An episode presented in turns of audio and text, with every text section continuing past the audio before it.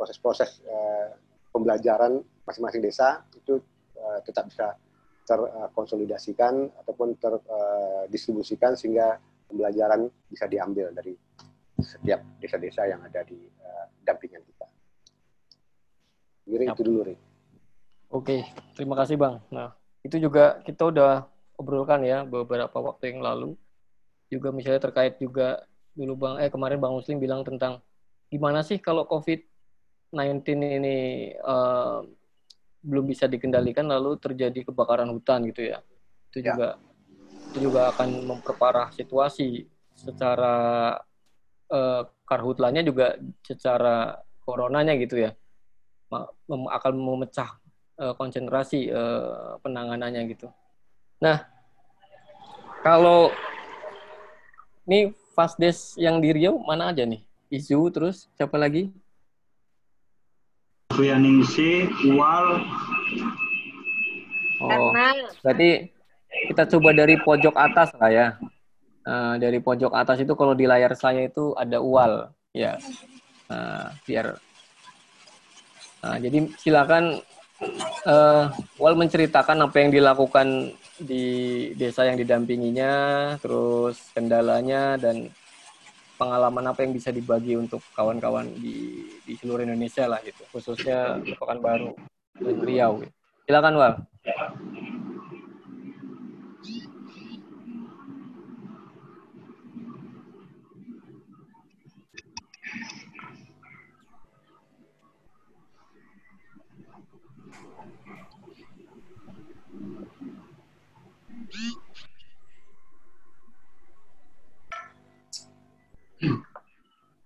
Oke, halo, Wal.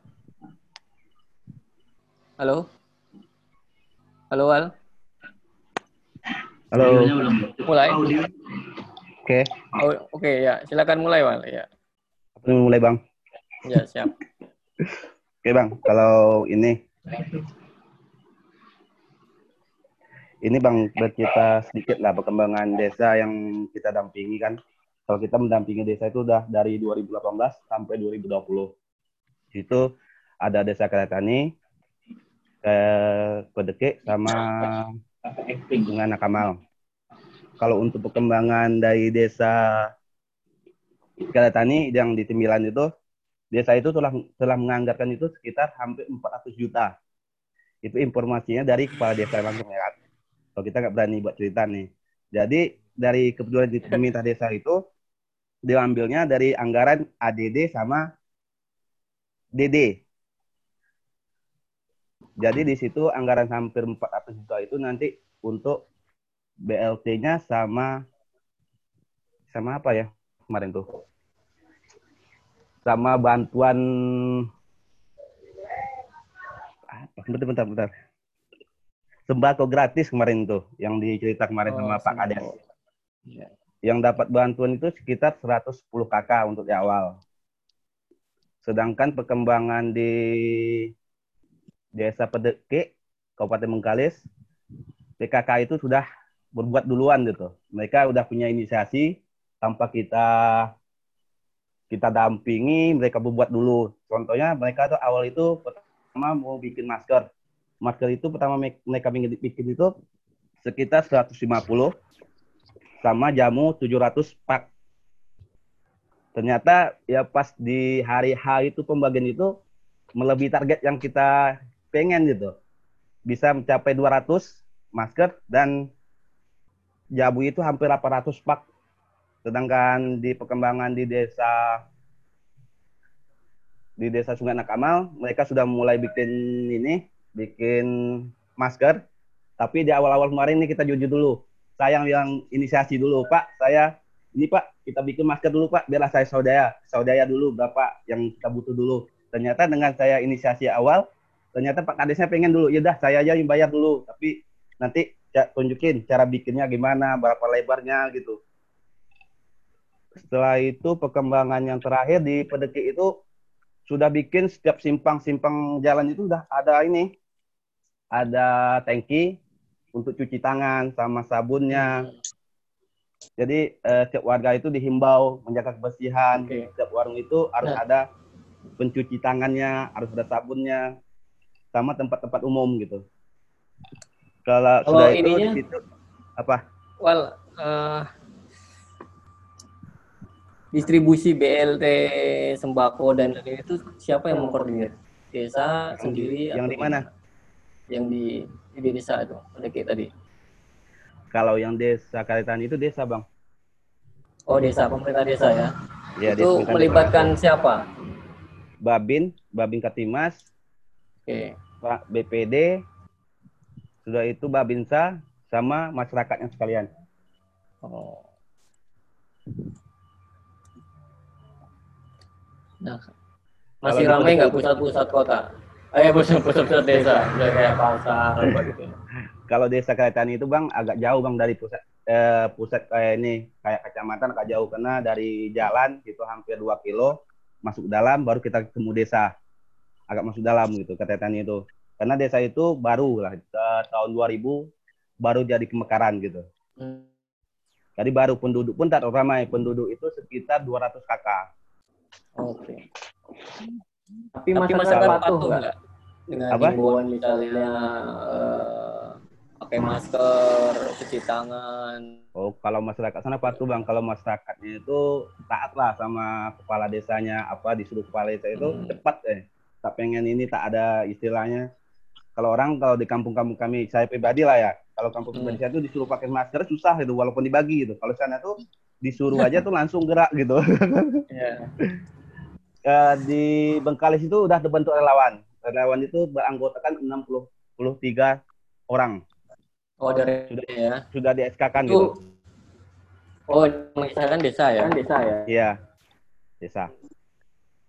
Oke. Itu melibatkan unsur lain nggak selain pemerintah dan apa namanya eh, Di situ melibatkan itu pendamping desa, pendamping Eh, desa? DPD, kepala Ya. desa, RT, RW dan kepala dusun.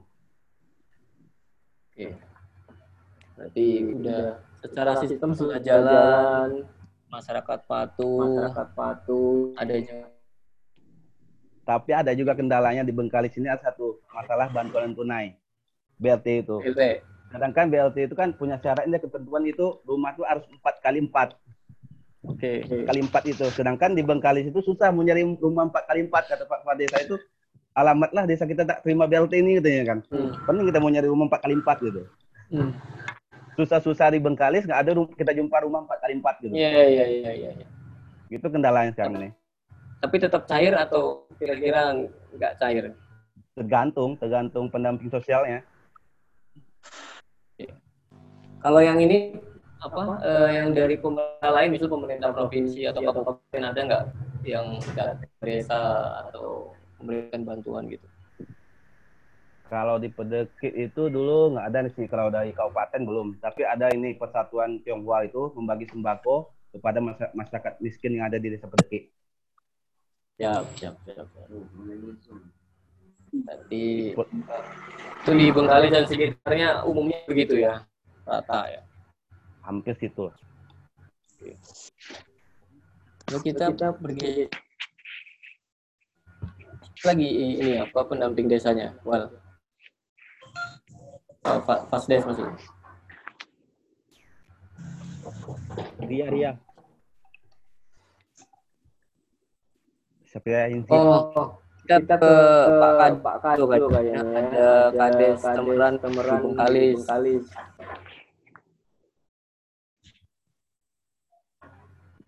Assalamualaikum warahmatullahi wabarakatuh. Waalaikumsalam warahmatullahi wabarakatuh. Mana Pak sehat Pak? Assalamualaikum Pak. Alhamdulillah Pak, sehat. Saya Arifin Pak, Kadis Tangerang, Kecamatan Bengkalis. Ya Pak. Ada yang Ini- bisa dibagi Pak dengan kawan-kawan ini Pak cerita tentang desa dan upayanya menghadapi corona Pak. Silakan Pak. Ya, terima kasih Pak.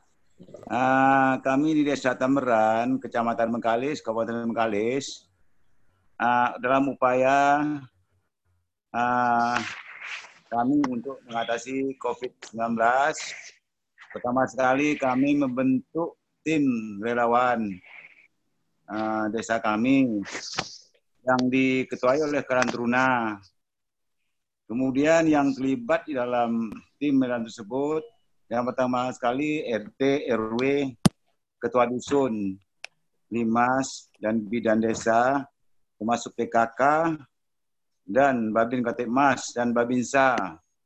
Adapun langkah-langkah kami, kami sangat menegaskan kepada pertama sekali kepada RT, karena Bengkalis salah satu pintu masuk ya dari TKI kita yang dari Malaysia. Jadi kami tegaskan kepada pertama sekali RT yang berpulangan dari nah, Malaysia itu wajib nah, kita data dan melaporkan segera kepada uh, kepala desa. Kemudian kami secepatnya melakukan tindakan seperti uh, penjemputan, kemudian uh, dengan bantuan bidang desa untuk uh, mengawasi dalam kondisi uh, yang dari Malaysia. Kemudian langkah-langkah berikutnya kami bersama tim relawan ini melakukan penyemprotan pertama sekali rumah-rumah yang di samping uh, tangga yang baru berpulangan dari Malaysia tersebut. Kemudian uh, memberi petunjuk-petunjuk uh, tentang uh, bahaya corona tersebut seperti uh, kita harus mematuhi dari uh, pemerintah atau imbauan pemerintah uh, menjaga jarak, kemudian harus uh, menerapkan pola hidup bersih dan sehat, kemudian uh, dilarang untuk uh, berkumpul, kemudian uh, kita dilarang untuk uh, menyebarkan berita hoax yang berita yang belum jelas ya. Kita uh, yang akibatnya meresahkan masyarakat uh, masyarakat desa kami. Setelah itu dari tim PKK, Mbak, kita ada langkah-langkah dari tim PKK. Di antaranya kami membagikan apa namanya uh, masker, Mbak, kepada masyarakat. Uh, kemudian tim BKK juga bergerak dalam hal penyemprotan bersama timnya uh, Poja 1, Poja 2, Poja 3 itu uh, di samping uh, memberi sosialisasi tentang cara hidup bersih dan sehat, kemudian juga mereka uh, mengadakan penyemprotan di rumah-rumah ibadah uh, bersama tim-tim uh, PKK. Saya sebagai kepala desa sangat ya menegaskan kepada masyarakat pertama sekali jangan keluar rumah Pak. karena uh, kalau seandainya tidak ada kepentingan yang sangat mendesak karena penyebaran ini uh, virus ini sangat berbahaya makanya kami perhatikan uh, kita harus uh, tegas uh, terhadap uh, informasi-informasi yang kita sampaikan ke masyarakat. Semoga nanti uh, desa kami mudah-mudahan uh, tidak terjangkit atau terserang virus corona tersebut. Kemudian dari itu Pak, kami juga uh, bekerjasama dengan tokoh-tokoh masyarakat, uh, alim ulama dalam hal penyampaian informasi baik itu di masjid ataupun di ruangan tentu. Kemudian kami juga menggunakan uh, apa namanya uh, alat uh, pembesar suara untuk berkeliling, Pak, untuk memberi pengumuman tentang bahaya corona ini se desa Tamran. Mungkin itu Pak yang dapat kami tambahkan. Hmm. Terima kasih. Assalamualaikum warahmatullahi wabarakatuh. Assalamualaikum warahmatullahi wabarakatuh. Mau nanya sedikit Pak Arif kalau misal ada uh, saudara kita yang baru pulang atau ya. datanya atau perlakuannya terhadap saudara kita yang baru datang itu, Pak? Ya, pertama sekali kita melakukan uh, selama 14 hari kita tidak dibenarkan uh, keluar rumah, Pak. Uh, selama 14 hari uh, dari kepulangan uh, beliau. Itu kami pantau setiap hari, Pak uh, kondisi kesehatannya, uh, tinggi badannya, panas badannya kita pantau bersama bidan desa. Jadi uh, ya. RT kita memang sangat kita tegaskan ya tentang itu. Uh, ketika tetangga kita yang baru pulang dari Malaysia, memang kita pantau selama 14 hari tidak boleh berhubungan. Jadi jadi uh, semoganya semoga uh, seandainya ada uh, mereka itu yang membawa itu kita virus makanya kita bisa ketahuan setelah 14 hari.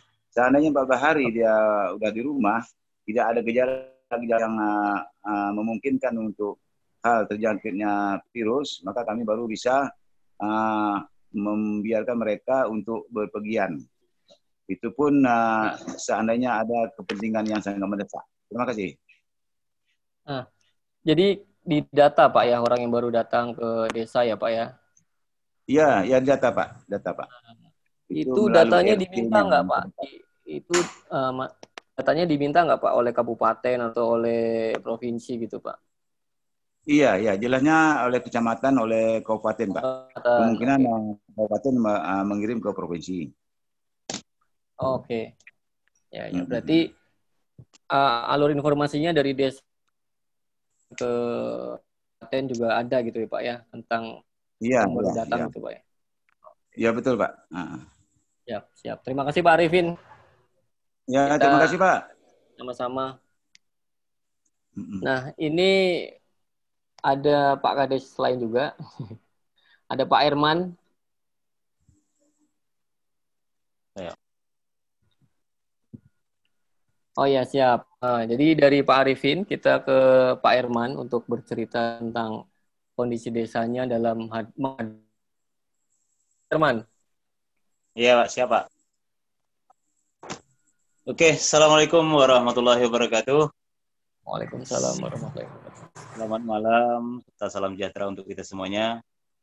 Eh, sebelumnya kami perkenalkan diri kami dulu. Kami nama saya Erman, Kepala Desa Mekarsari, Kecamatan Pulau, Kabupaten Kepulauan Meranti.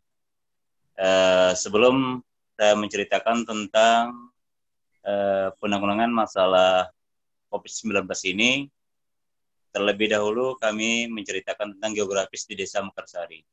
Nah, Desa Mekarsari ini pemekaran daripada Desa Plantai pada tahun 2004 yang mana luas wilayahnya itu lebih kurang 29 km persegi dan perbatasannya utara dengan kelurahan, selatan Plantai, kemudian timur dengan Selat Asam dan sebelah baratnya dengan Desa Lukit. Kemudian Desa Mekarsari ini mayoritas penduduknya ada suku Melayu, Jawa, suku asli, dan Tenghua. Agama Islam mayoritasnya juga ada uh, Kristen dan Buddha.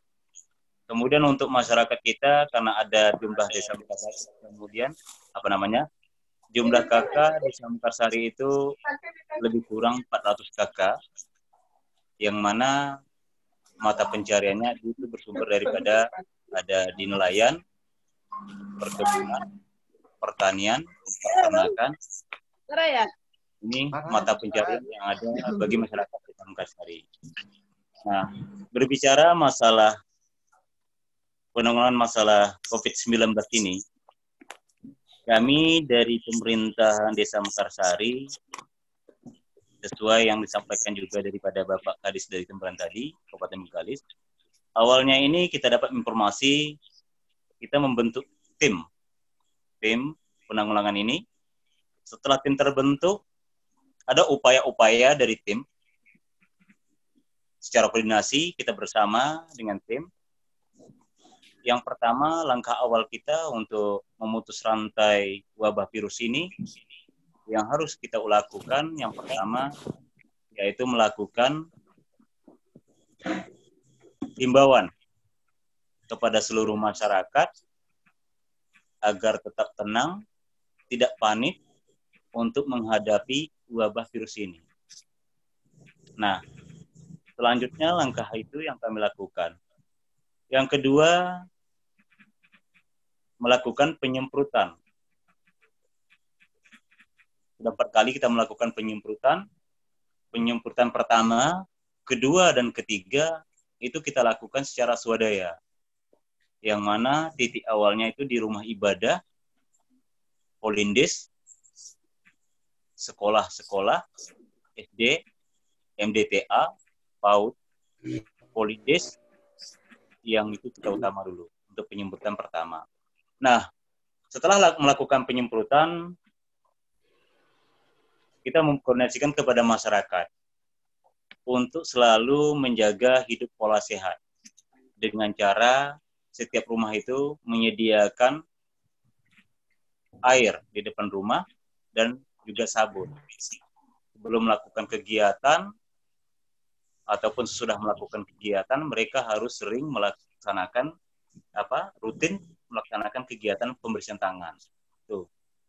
Nah, kemudian juga sesuai instruksi yang kita dapat bahwa di desa itu harus menganggarkan dengan anggaran untuk mencegah atau memutus rantai wabah ini. Nah, sehingga kita Desa Mekarsari awal eh, sebelum eh, masuknya proposal pencairan anggaran dana ini, kita sudah membentuk apa membiayai dana ini sebesar 20 juta. Dana awalnya yang mana dana tersebut kita gunakan pertama untuk penyediaan tempat cuci tangan di tempat umum. Alhamdulillah kami pemerintah desa Mekarsari selain daripada tim yang bertugas juga membentuk lagi berita acara atau SK yang nanti pelaksanaan ini kami limpahkan kepada BPD dan kepala dusun.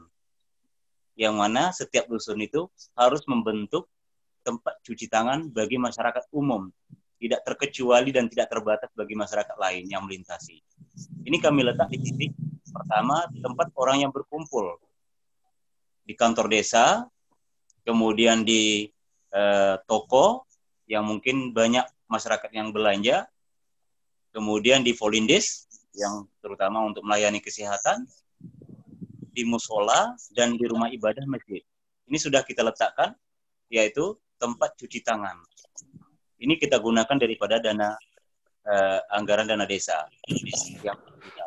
Kemudian ada di situ juga menyampaikan informasi atau himbaya, himbauan kepada seluruh masyarakat. Ya, kepada seluruh masyarakat. Ini dibantu oleh pihak pihak polisian dan Dendramel, Babin Kaptimas dan Babinsa. Dan kemudian juga ada penyediaan masker. Insya Allah besok kita akan melakukan pembagian masker secara gratis kepada masyarakat yang sudah kita siapkan. Nah, untuk penyediaan masker ini memang awalnya sudah kita bicarakan kepada tim penggerak PKK yang ada di Desa Mekarsari. Menimbang karena keadaan yang mungkin tidak bisa dikoordinir oleh ibu-ibu PKK, maka ibu-ibu ini menyampaikan keluhannya, Pak, mungkin kami nggak bisa atau kerepotan. Karena di Desa Mekarsari itu sudah kita jadikan bahwa ibu-ibu yang mahir untuk menggunakan mesin itu tidak berapa banyak. Sehingga mereka itu banyak uh, apalagi menghadapi bulan suci Ramadan ini banyak tempahan-tempahan bagi kaum muslim untuk tempahan baju Melayu sehingga mereka tidak bisa uh, meluangkan waktu untuk membeli. Sehingga kita berkoordinasi dengan pihak kesehatan untuk bisa menyediakan masker. Alhamdulillah maskernya sudah sampai insya Allah besoknya akan kami bagikan secara percuma kepada seluruh masyarakat. Nah, sebelum wabah ini timbul atau wabah ini ada, sebenarnya Desa Mekarsari ini sudah kebagian masker terlebih dahulunya yaitu daripada uh, eh, PT Malakastrek yang waktu itu um, untuk uh, perlindungan bagi masyarakat tentang uh, wabah penyakit yang mungkin dari udara atau asap kebakaran lahan dan hutan. Yang masker itu kita dapatkan daripada bantuan PT uh, Malakastrek itu sekitar lebih kurang 35 dus yang kita dapat. Alhamdulillah sebagian masyarakat kita sudah kebagian. Sehingga masih ada lagi masyarakat itu menggunakan masker yang bantuan daripada PT Melaka Nah, kemudian berbicara masalah selanjutnya penggunaan anggaran yang kami percetakan membuat baliho himbauan yang mana dipasang di setiap fasilitas umum di masjid, di polindes, depan kantor, dan di gang-gang yang himbauan itu berfungsi untuk memberikan uh, pencerahan kepada masyarakat supaya bisa uh, melakukan kegiatan yang sudah diinstruksikan. Nah, itu yang langkah seterusnya. Kemudian dari dana tersebut juga kita sudah melakukan penyemprotan. Alhamdulillah setiap rumah, setiap rumah yang ada di, di wilayah Desa Mekarsari sudah kita lakukan penyemprotannya. Setiap rumah. Tidak ada lagi rumah itu yang tinggal. Yang di sini kami libatkan tim konfit, yaitu Bapak RT, RW, dan LPMD. Mereka melakukan penyemprotannya. Nah, kemudian ada pengadaan uh, pembelian cairan, uh, pompa, pompa racun, ya, kita lakukan.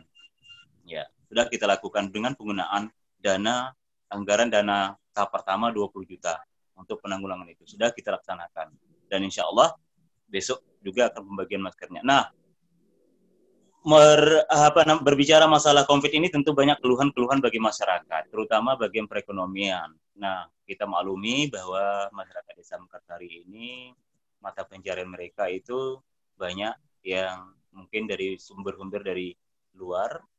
Ada masyarakat kita sebagiannya bekerja di Malaysia sama dengan di Bengkalis juga. Uh, kemudian ada juga bekerja di dalam apa di dalam wilayah itu sudah apa sudah yang dari Malaysia itu sudah ada sebagian pulang dan ada sebagian yang belum. Karena yang kalau belum ini masih ditahan oleh majikannya dengan catatan tidak keluar daripada rumah. Ditanggung biaya makan dan segalanya. Nah, yang baru pulang dari Malaysia itu tetap kita data.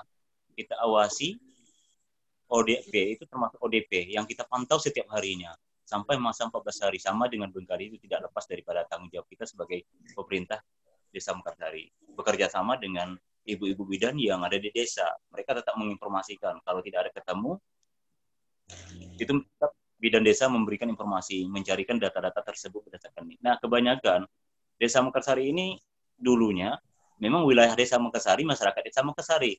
Kebanyakan mereka pulang itu tetap masih eh, mengatas nama masyarakat desa Mekarsari. Sementara mereka sudah pindah karena KTP itu masih banyak eh, masyarakat desa Mekarsari sehingga agak sulit mencari data-data tersebut. Itu okay. yang kita lakukan. Kemudian selain dari itu juga sampai saat ini uh, untuk uh, memperketatkan uh, penjagaan malamnya kami melibatkan Linmas dan dibantu oleh Babin Katimas dan Babinsa untuk patrolinya di pos Kamling. Sudah bergerak sekitar 10 hari. Sampai malam ini masih bertugas untuk menjaga bagi masyarakat yang dari luar yang tidak dikenali mungkin dari mungkin mohon maaf dari Pekanbaru, Selapanjang atau Tanjung nah. Balai yang pulang malam itu tetap diawasi. Nah tujuannya ke mana tetap ya. itu pak. Kendalanya Masalah apa pak? Kendala yang paling apa, penting apa kira di situ pak? Kendala yang paling uh, krusial, uh, yang paling susah untuk di untuk ini di di desa bapak ini. Kalau berbicara masalah dana, mungkin seperti yang Bapak Kepala Desa Tembere sampaikan tadi itu masalah BLT sebelum kami sampai ke BLT Pak, sedikit kami sampaikan juga uh, masalah selanjut apa bukan masalah ini uh, apa namanya masa apa namanya untuk bantuan sembako yang sudah satu kali kita lakukan sebanyak 32 kakak itu bantuan yang sudah kami apa namanya konsultasi kami dengan rekan media dan juga dengan pengusaha sagu sehingga mereka memfasilitasikan sembako berupa beras, kopi, gula, minyak goreng uh, dan Indomie yang sudah kita bagikan pada paket uh, pada ke, kepala keluarga yang tidak menerima PKH dan BPNT. Itu sudah kita salurkan sekitar 32 kakak. Insya Allah besoknya juga akan disalurkan lagi 5 kakak. Ini bantuan bersumber daripada uh, pihak kepolisian, Babin Kaptimas dan Babinsa. Tadi baru sebentar nelpon kami, uh, minta tolong carikan data yang masyarakatnya yang memang tidak dapat uh, B, dan BPNT. BPNT insya Allah akan kita bantu, kita data. Masalah BLT Pak, masalah BLT ini kita sudah konsultasi dengan pihak PMD yang pertama. PMD selaku pimpinan kita. Nah, tadinya sampai saat ini kita masih mengumpul data. masyarakat Desa Mekarsari itu yang sudah mendapatkan bantuan baik PKH dan BPNT itu sekitar 215 kakak. Masih ada sekitar 100 lebih lagi yang belum mendapat. Nah, ini akan kita full kakaknya semua. Untuk selangkah selanjutnya, setelah data ini terkumpul, kakak ini terkumpul, kita akan mengadakan verifikasi yang mana melibatkan uh, pemerintah kecamatan di desa, BPD, dan bagi pihak kabupaten yaitu pemeriksaan keuangan investorat. Semalam kami konsultasi di pihak investorat mereka memberikan petunjuk bagaimana BLT ini bisa tepat dan sasaran yang digunakan supaya tidak ada apa namanya uh, kaitannya dengan APH atau aparat penegak hukum yang nantinya melanggar daripada aturan tersebut. Sehingga kita okay. mengacu mengacu dari anggaran tersebut sampai saat ini kita masih konsultasi. Nah, kakak yang sudah terkumpul, insya Allah besoknya kita akan mengadakan forum rapat untuk memverifikasi siapa saja yang berhak menerima. Sesuai kata Bapak Kadis dari Temberan, kalau berdasarkan kategori yang sudah 14 poin yang ada di situ, Mekarsari cuma satu yang ada. Sesuai dengan ukuran rumah, kemudian tidak tersalur listrik, tidak menerima BPNT, tidak menerima PKH. Kenapa ini tertinggal? Ini sudah berapa kali kita usulkan di dinas sosial. Ini kita tidak tahu. Kenapa okay. mereka beliau ini tertinggal? Padahal kalau kelayakan rumahnya itu memang sampai saat ini sangat strategis. Sehingga kami membangun rumahnya itu pun swadaya masyarakat. Swadaya masyarakat yang kami bangun rumah. Nah, okay. masalah BLT sudah kita konsultasikan, Pak. Oke, Pak. Untuk sementara itu mungkin dari kami. Terima kasih, uh, Pak Herman dari Pulau Padang ya, Pak ya. Uh, Mekarsari, Kecamatan Mertoa. Oh, Mekarsari, uh, Mekarsari, siap. Maaf, uh, maaf salah. Dari Mekarsari, uh, lengkap struktur. Uh, kita mungkin langsung beranjak lagi ke uh, kades berikutnya di catatan uh, catatan saya ini ada Kades Bagan Melibur Pak Nadi, lalu ada Kades Sungai Anak Kamal Pak Mastowi ya. Iya. Yeah. kita ke Pak Isnadi dulu ya. Halo Pak Isnadi. Halo Pak, Assalamualaikum. Waalaikumsalam. Uh, Pak Isnadi. Halo. Halo. Halo. Ya. Selamat malam. Selamat malam. Kalau malam Mas. Boleh Pak, videonya dinampakkan biar kami kenal gitu wajahnya kan. Jaringan kurang bagus oh, nih, siap. Mas. Oh, siap, siap, siap, Pak. Oke. Ini uh, aja dah campur naik ke genteng rumah nih baru bagus suaranya. Siap, siap, siap, siap. Iya, itu ual tahu tuh ual tuh. siap, siap. Ya. Uh, apa yang Bapak bisa laporkan biasanya silakan Pak, silakan waktu dan tempat kami persilakan. Ya, Ma, terima kasih Mas Aris Arisandi ya. Ya, siap. Hmm. Selamat malam juga untuk Uang Muslim. Ya, seperti yang disampaikan tadi ya. Saya Isnadi, Kepala Desa Bagan Libur. Sebenarnya secara umum yang disampaikan Kepala Desa Temeran, kemudian Pak Erman, Kepala Desa Mekarsari tadi itu. Hmm. Saya de, posisi desanya tetangga Desa Mekarsari, Pak. Jadi secara okay. monografi daerah lebih kurang tuh sama gitu.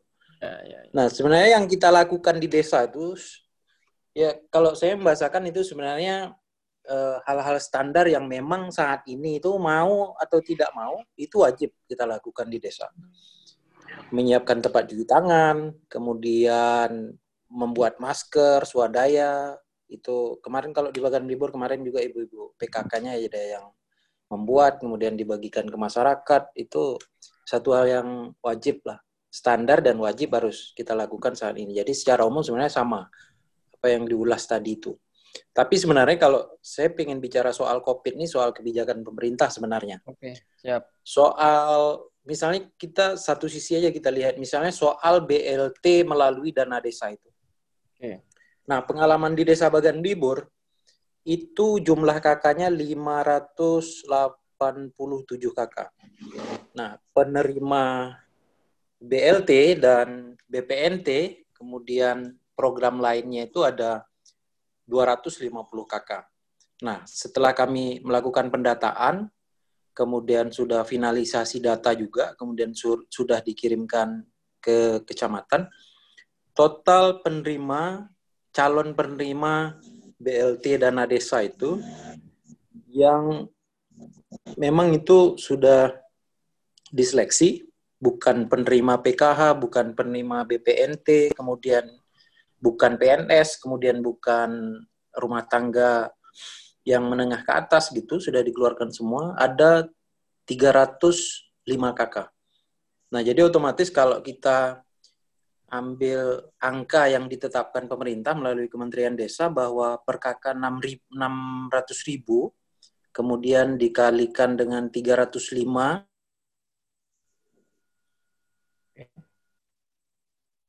Halo. Halo. penerima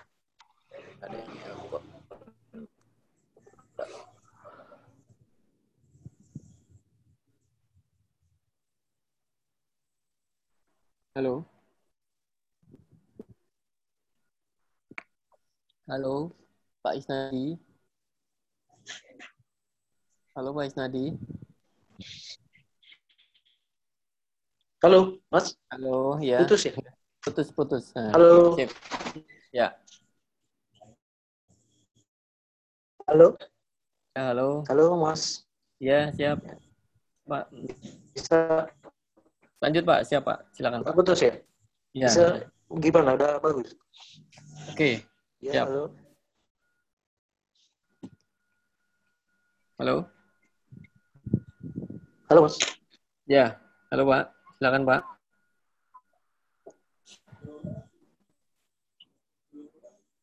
Halo. Halo. Ya Pak. Ya, halo, Mas. Nah, silakan jadi Pak. di Desa Bagan Melibur itu, jadi di Desa Bagan Melibur itu calon penerima BLT itu ada 305 kakak. Arti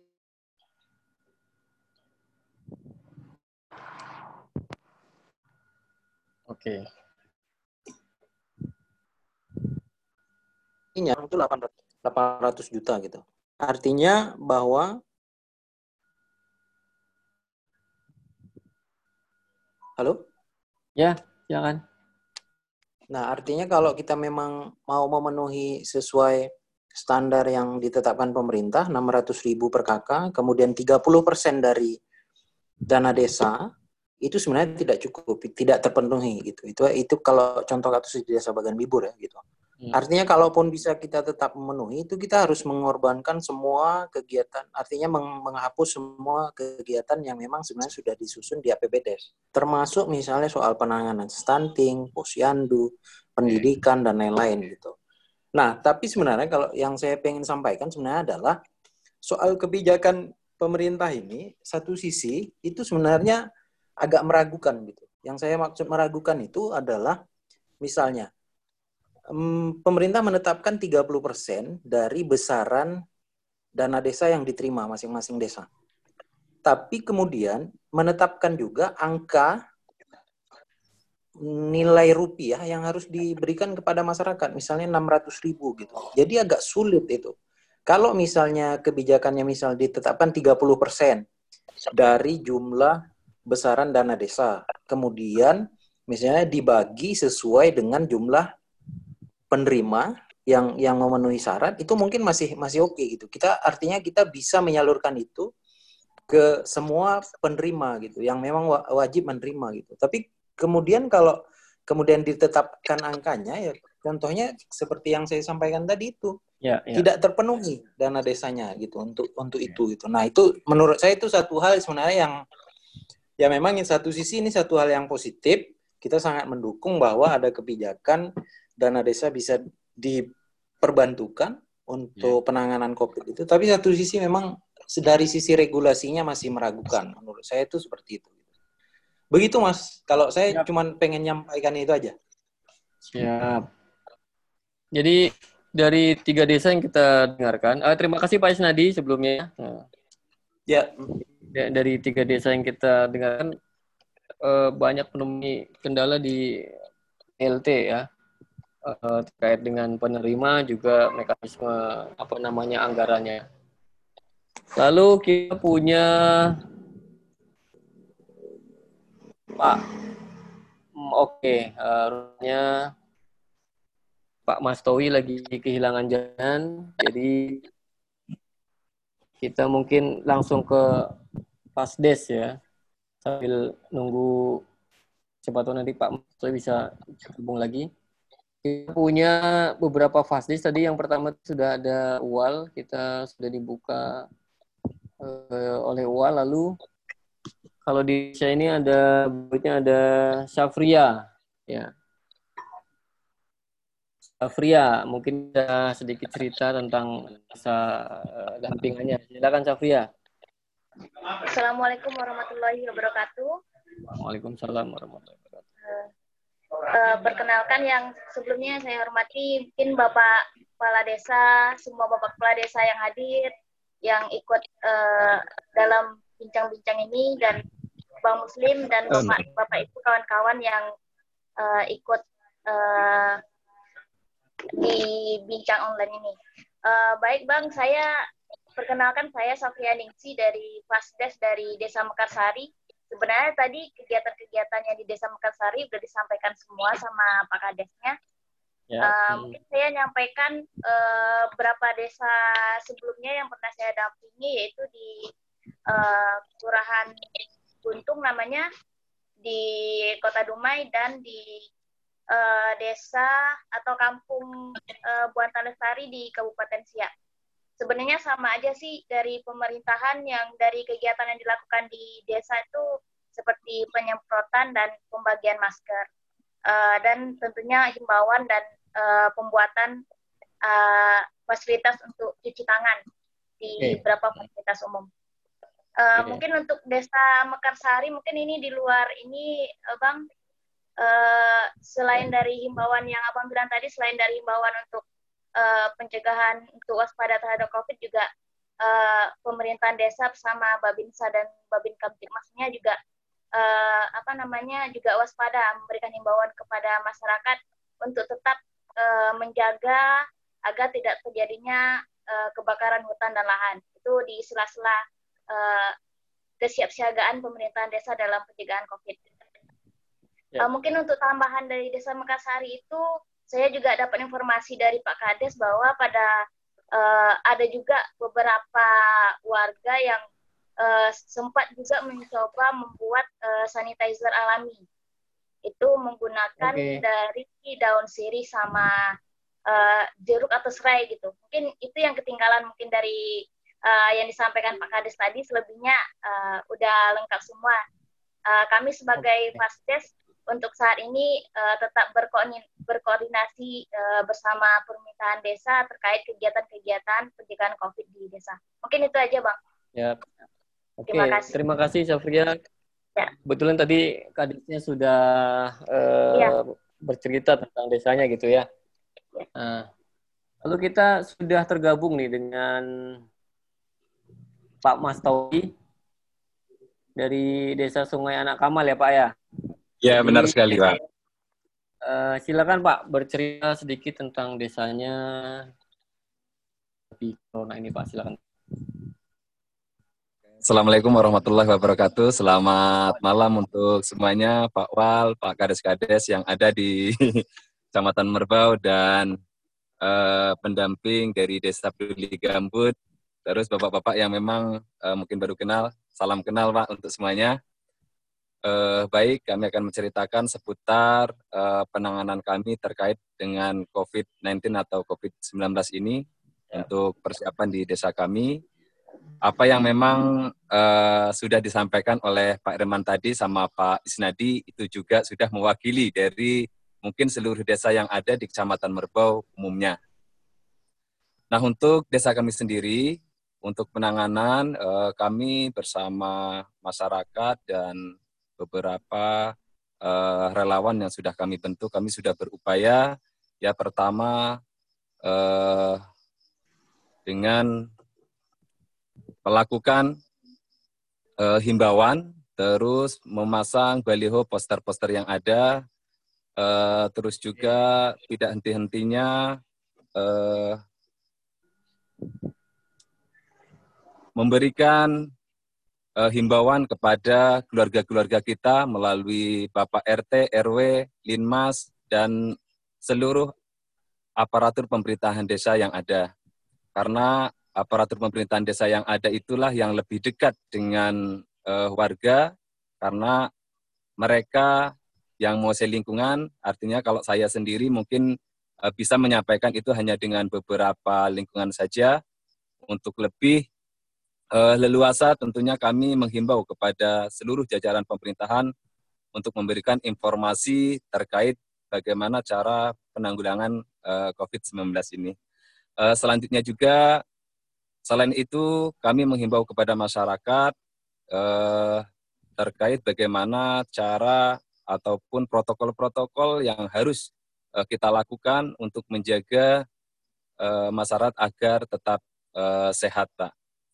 Ya, dengan selalu uh, mencuci tangan dan pakai masker.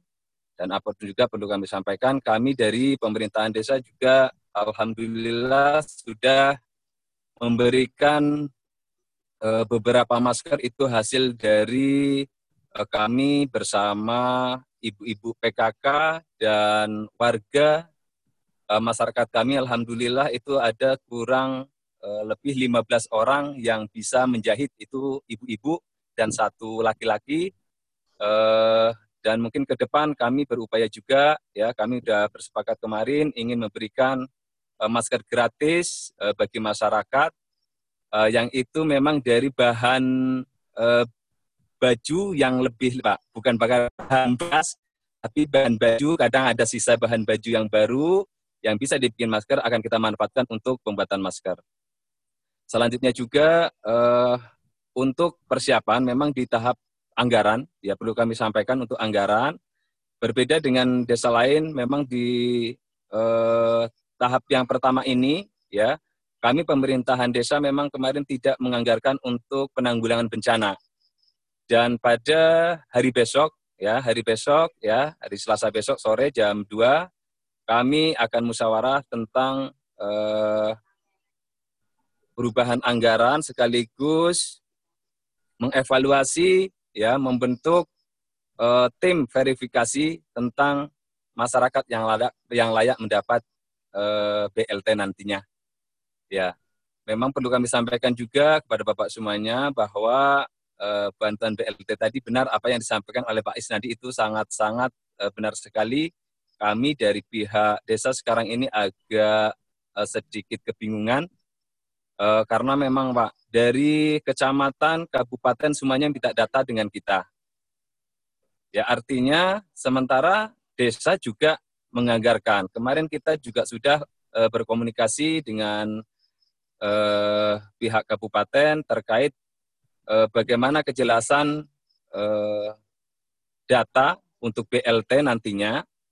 Harusnya ini kalau bisa, kalau memang dari pemerintah kabupaten Eh, kecamatan ataupun uh, provinsi mau membantu kepada masyarakat desa, harusnya mereka dulu mengucurkan dananya, Pak, atau mengucurkan bantuannya. Sehingga nanti tidak ada double-nya gitu loh. Sementara kami kan dituntut juga untuk memberi bantuan. Kalau kami sekarang mengalokasikan nih, ya hmm. dengan uh, kurang lebih kemarin baru uh, kami survei, ya, tapi untuk kelayakan nanti itu sekitar 90 lebih warga kami ya itu yang memang tidak mendapat eh, PKH ataupun BLT lainnya atau bantuan sosial lainnya ya itu yang kira-kira layak. Tetapi kalau eh, mengacu pada acuan yang ada itu sebenarnya satu warga pun tidak ada Pak. Ya kalau ikut eh, 14 item yang pemerintah ya. kasih kepada kita itu tidak ada. Cuman kemarin kita kan tetap mengikuti eh, informasi terkait itu semuanya, permasalahan-permasalahan yang ada di desa. Kemarin pernah saya dengar oleh Bapak Kementerian bahwasanya empat orang saja mengatakan orang itu mampu dibantu, itu sah dibantu. Nah, itu kemarin seperti itu. Ya, itu pernah kita dengarkan. Selanjutnya ke depan, ya untuk persiapan COVID-nya, kami mungkin setelah melakukan penyemprotan sama itu sudah mungkin untuk ke depannya ini kami lagi mau menganggarkan alokasinya untuk COVID ya. Uh, kan kemarin maksimalnya hanya 50 juta, itu bukan bantuan BLT-nya, tapi terkait operasional dan bahan-bahan yang bisa memang nanti kita salurkan kepada masyarakat. Akan kita bahas secepatnya untuk tahap yang kedua ini. Uh, kami uh, saat sekarang ini lagi terus berupaya bagaimana memberi uh, pemahaman yang luas kepada masyarakat karena masyarakat di kampung Pak maklum ya membacanya kurang ya sumber daya manusianya bisa dimaklumi Ya karena juga kelemahan kami di kampung ini mereka eh, tiap hari itu memang kalau mau dapat uang bisa makan itu harus keluar karena rata-rata pekerjanya itu noreh getah pak. Ya. Ya begitu juga sosialisasinya yang eh, sangat tinggi berjamaahnya. Tapi alhamdulillah sekarang ini ya biarpun bagaimana mereka tetap kita himbau untuk jaga jarak dan lain sebagainya. Eh, perlu juga kami sampaikan bahwa mungkin eh, terkait tentang eh, pencegahan eh, COVID ya perlu kami sampaikan juga tentang ya kebakaran ya kita pemerintahan desa Sungai Anak Kamal sudah mengalokasikan eh, mini strike untuk antisipasi kebakaran ke, ke depan yaitu eh, mesin yang harganya kemarin sekitar 40 juta yang kita anggarkan dan alhamdulillah di tahap satu ini sudah terrealisasi Ya kemarin rencananya mau kita anggarkan untuk eh, apa eh, penanggulangan bencana, tapi udah kita belikan untuk alat pencegahan kebakaran. Dan eh, ke depan ini ya kami lagi eh, rapat kecil eh, untuk bagaimana ke depan desa kita aman dari uh, wabah uh, eh, COVID-19 ini, ya kami dari unsur masyarakat, baik itu dari PKK, terus Karang Taruna, uh, para ustadz ustazah, para orang-orang tua, terus yang paling terpenting ini adalah kalau di kami ini para uh, minta maaf ini orang yang kita tuakan itu yang memang perlu kita dekati dan perlu kita disuruh menghimbau kepada uh, masyarakat. Karena memang eh, masyarakat akan lebih mendengarkan ketika memang para tokoh itu yang berbicara. Itu mungkin seperti itu. Itu mungkin trik eh, masing-masing desa itu berbeda-beda. Karena memang pemahaman masyarakat terkait itu sangat dibilang minim pak apalagi ya di kampung ya tapi mudah-mudahan kayak apa pun saya lihat kawan-kawan juga yang khususnya di Kecamatan Merbau itu sudah berupaya ya luar biasa. Mungkin itu nanti kekurangan-kekurangan dari apa yang saya sampaikan bisa nanti penambahan dari Pak Wal ya selaku pendamping dari uh, desa kami. Nah, memang ini terima kasih juga pas kebetulan malam hari ini uh, saya kebetulan uh, lagi kurang enak badan Pak, tapi dengan kawan-kawan ada ini tetap semangat dan tadi Pak Erman, terima kasih. Demikian Pak, terima kasih. Ya, terima kasih Pak Mas Towi. Ini saya juga ya. kaget nih. Rencananya kan cuma cuma beberapa orang itu rupanya antusiasnya luar biasa ya alhamdulillah sih. Makanya ini link uh, Zoom-nya kan meetingnya tidak saya buka untuk umum memang untuk yang diundang aja karena banyak yang nyepam gitu akhir-akhir ini di Zoom. Alhamdulillah terima kasih para kepala desa, para fasilitator, dia, abang di BRG, abang dan kakak-kakak semuanya. Nah, mungkin dari Kades sudah sudah hadir yang yang yang lagi bergabung dengan kita sudah memberikan apa namanya pandangannya tentang desa uh, tentang desanya untuk melawan untuk menghadapi corona. Lalu di list saya ini ada pas yang lain itu yang berikutnya ada Atoy. Ya, Atoy. Halo, Atoy. Halo. Halo, Atoy. Atoy.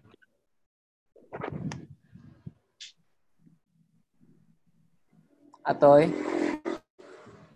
kalau belum kita lewat dulu di uh, di Izu Izu Zubaidah.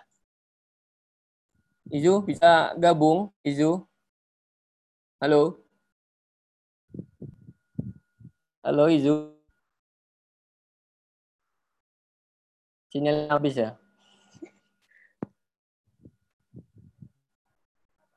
Oke deh. Ini sebelum ke fast dash kita tanya lagi nih sama diktatornya lah, ya kan? Dari eh, beberapa desa yang sudah memaparkan kondisi dan apa upayanya menghadapi corona, kita coba tanya Bapak dinamisator lah. Bapak Muslim Rashid silakan menanggapi nih cerita para kepala desa ini. Silakan, Bang. Ya, um, ini kan sebenarnya mempertegas saja, dari mempertegas dari apa yang mungkin kita pernah yang udah kita bahas uh, di posko kemarin ataupun yang kemarin dengan uh, koalisi uh, apa uh, tiga covid ya itu.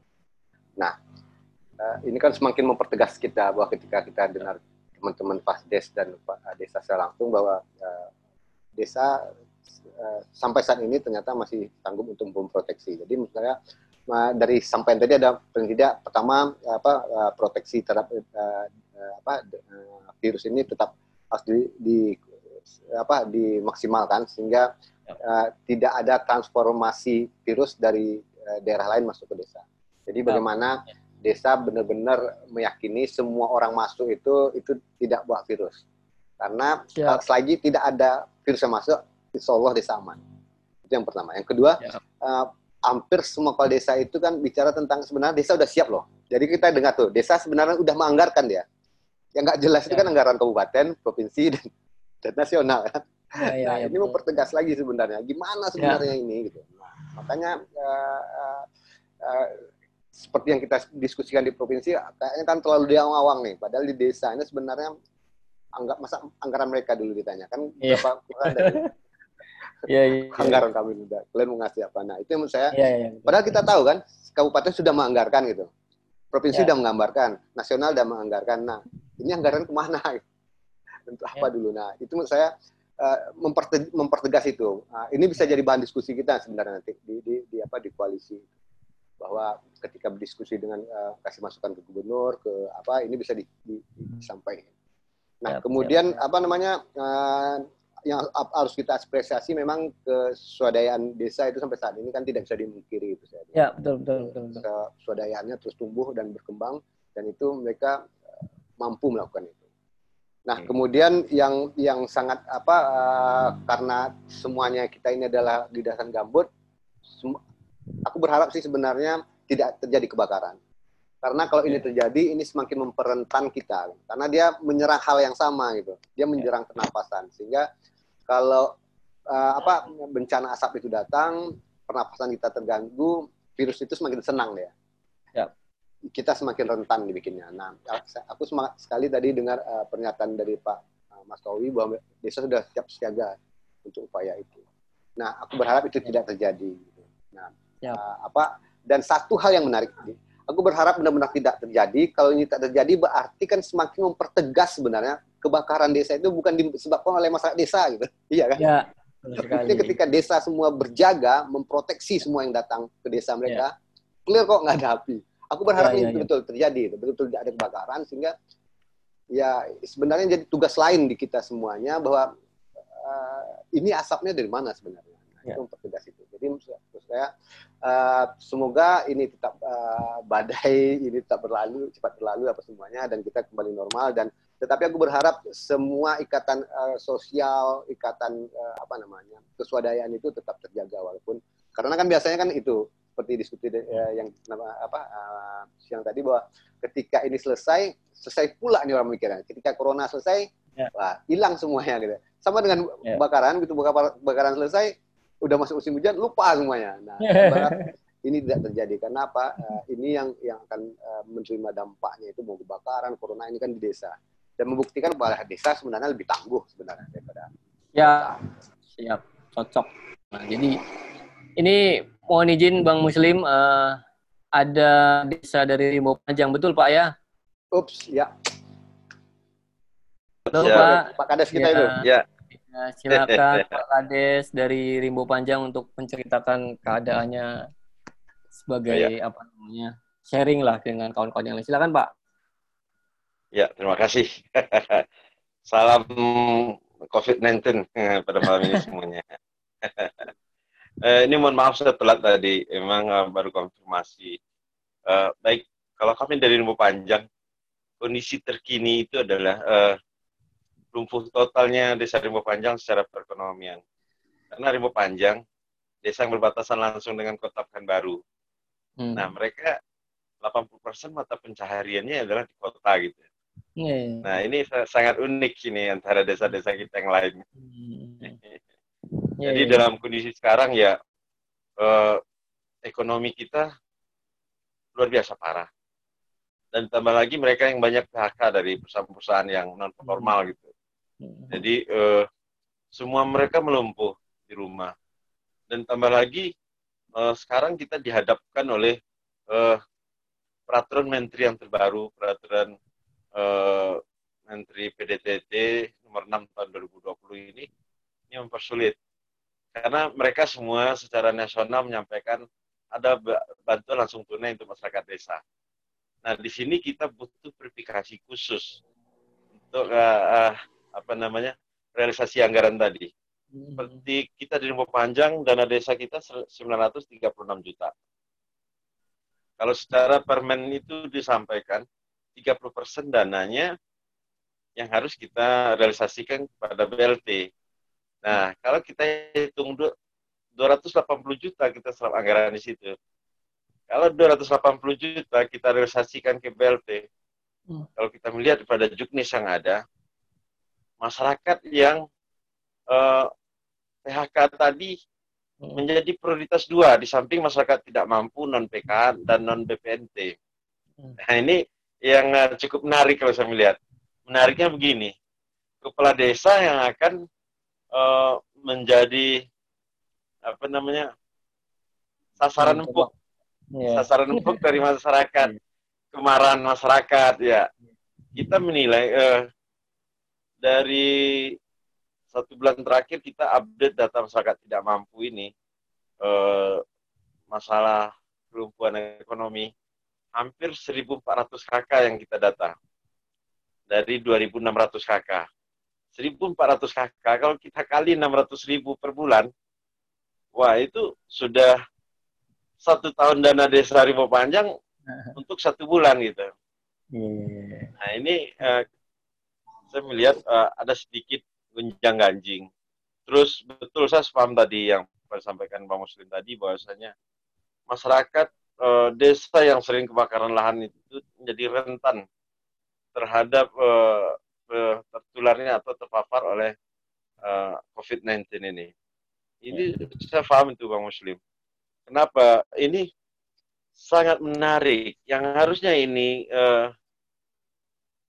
kawan-kawan kita kalau bersama-sama mungkin dengan NGO yang lain kita melakukan riset ini ini bahaya ini nah kalau kita lihat eh, desa-desa gambut kita rata-rata produksi nenas nah ini nenas ini sangat bagus untuk imunitas kita hmm. itu uh, saya lihat selama ini di desa dan kenapa masyarakat desa tadi selama kebakaran lahan tidak begitu parah kondisinya nah mereka-mereka yang tinggal di kota atau sudah kota isme gitu hidupnya itu sering hmm. terpapar oleh asap dulu gitu.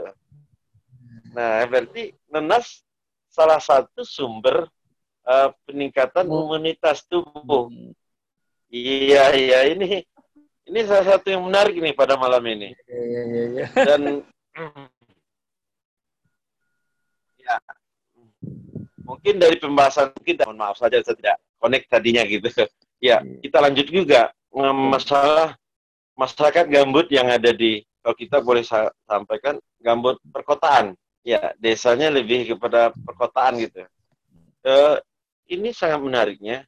Di lahan gambut yang tertinggal itu mereka banyak e, adalah buruh-buruh kasar.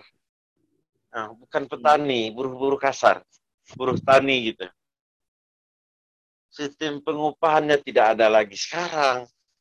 Yang mau ditani Nanas juga sekarang sudah mulai lockdown kayaknya. Sudah mulai terkunci masa buahnya gitu. Jadi uh, sangat menarik sekali ini. Saya suka ini kalau diadakan ini lebih baik ini kita masukkan juga lah pejabat-pejabat atau petinggi kita yang lainnya gitu. Ini peraturan menteri terbaru ini betul tujuannya adalah sasaran masyarakat-masyarakat tani tadi, masyarakat-masyarakat gambut kita. Tapi di samping itu kita harus lihat juga kalau hanya eh, uh, 30 persen itu masih membatasi. Karena semua masyarakat yang kaya sudah jadi miskin sekarang. yang tadinya dia petani, lebih baik jadi buruh tani gitu.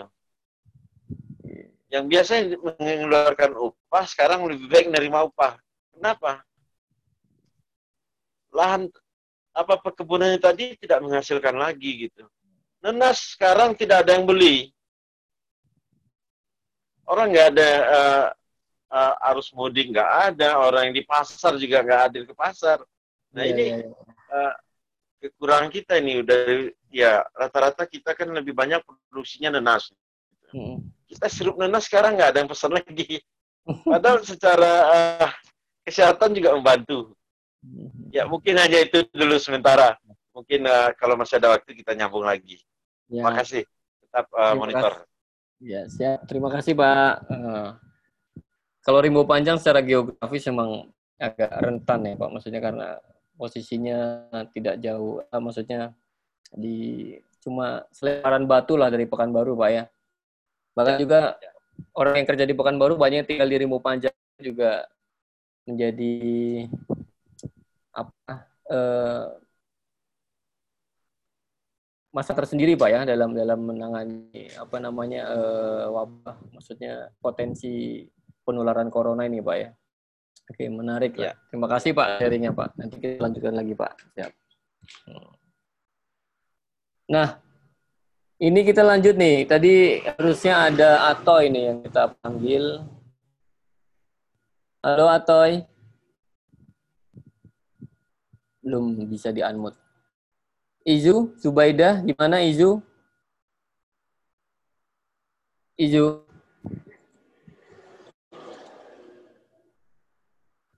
Halo Izu. Sudah Ijo, on. Halo, halo. Nah, akhirnya on juga. Ada yang bisa diceritakan dengan kami semua tentang desa dampingannya? Silakan Izu, waktu dan tempat dipersilakan. Oke, baik. Uh, terima kasih kepada Mas Ari sudah membuka ruang uh, diskusi untuk kita bersama malam hari ini. Yang terhormat, Pak Kades, Pak Kades uh, bagian melibur dan Pak Kades desa lainnya dan Bang Muslim. Uh, baik, uh, secara garis besar sih kalau di desa udah disampaikan para kades semua, termasuk uh, Pak Kades bagian melibur juga.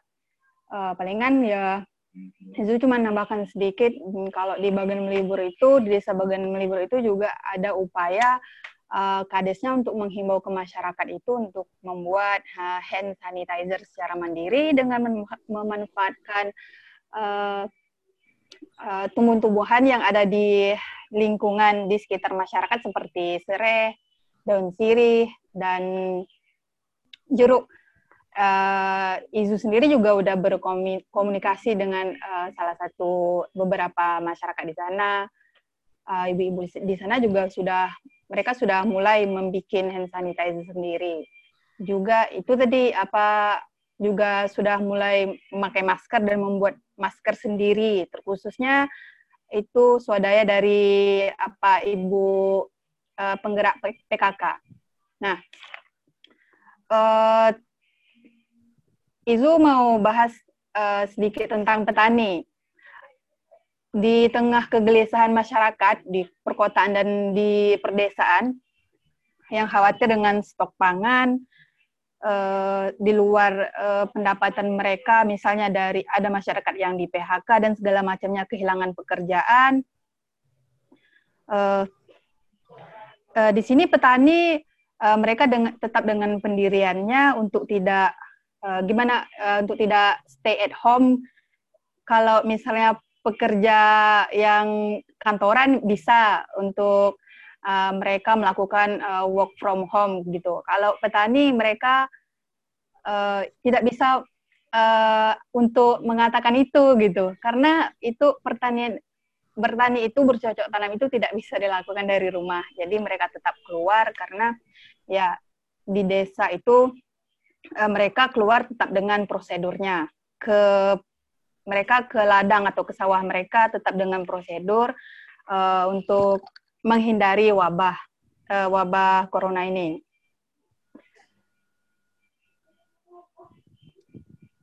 Nah, kegelisahan uh, kegelisahan para petani yang saya saya temui, uh, yang saya dengar dari para petani itu uh, seperti yang disampaikan Pak Kades dari Rimbo Panjang tadi, mereka uh, khawatir dengan terancamnya pasar pasar uh, mereka untuk memasarkan hasil hasil pertanian mereka. Ya, itu aja sih kira-kira uh, yang perlu disampaikan. Terima kasih. Hmm, Oke, okay, terima kasih.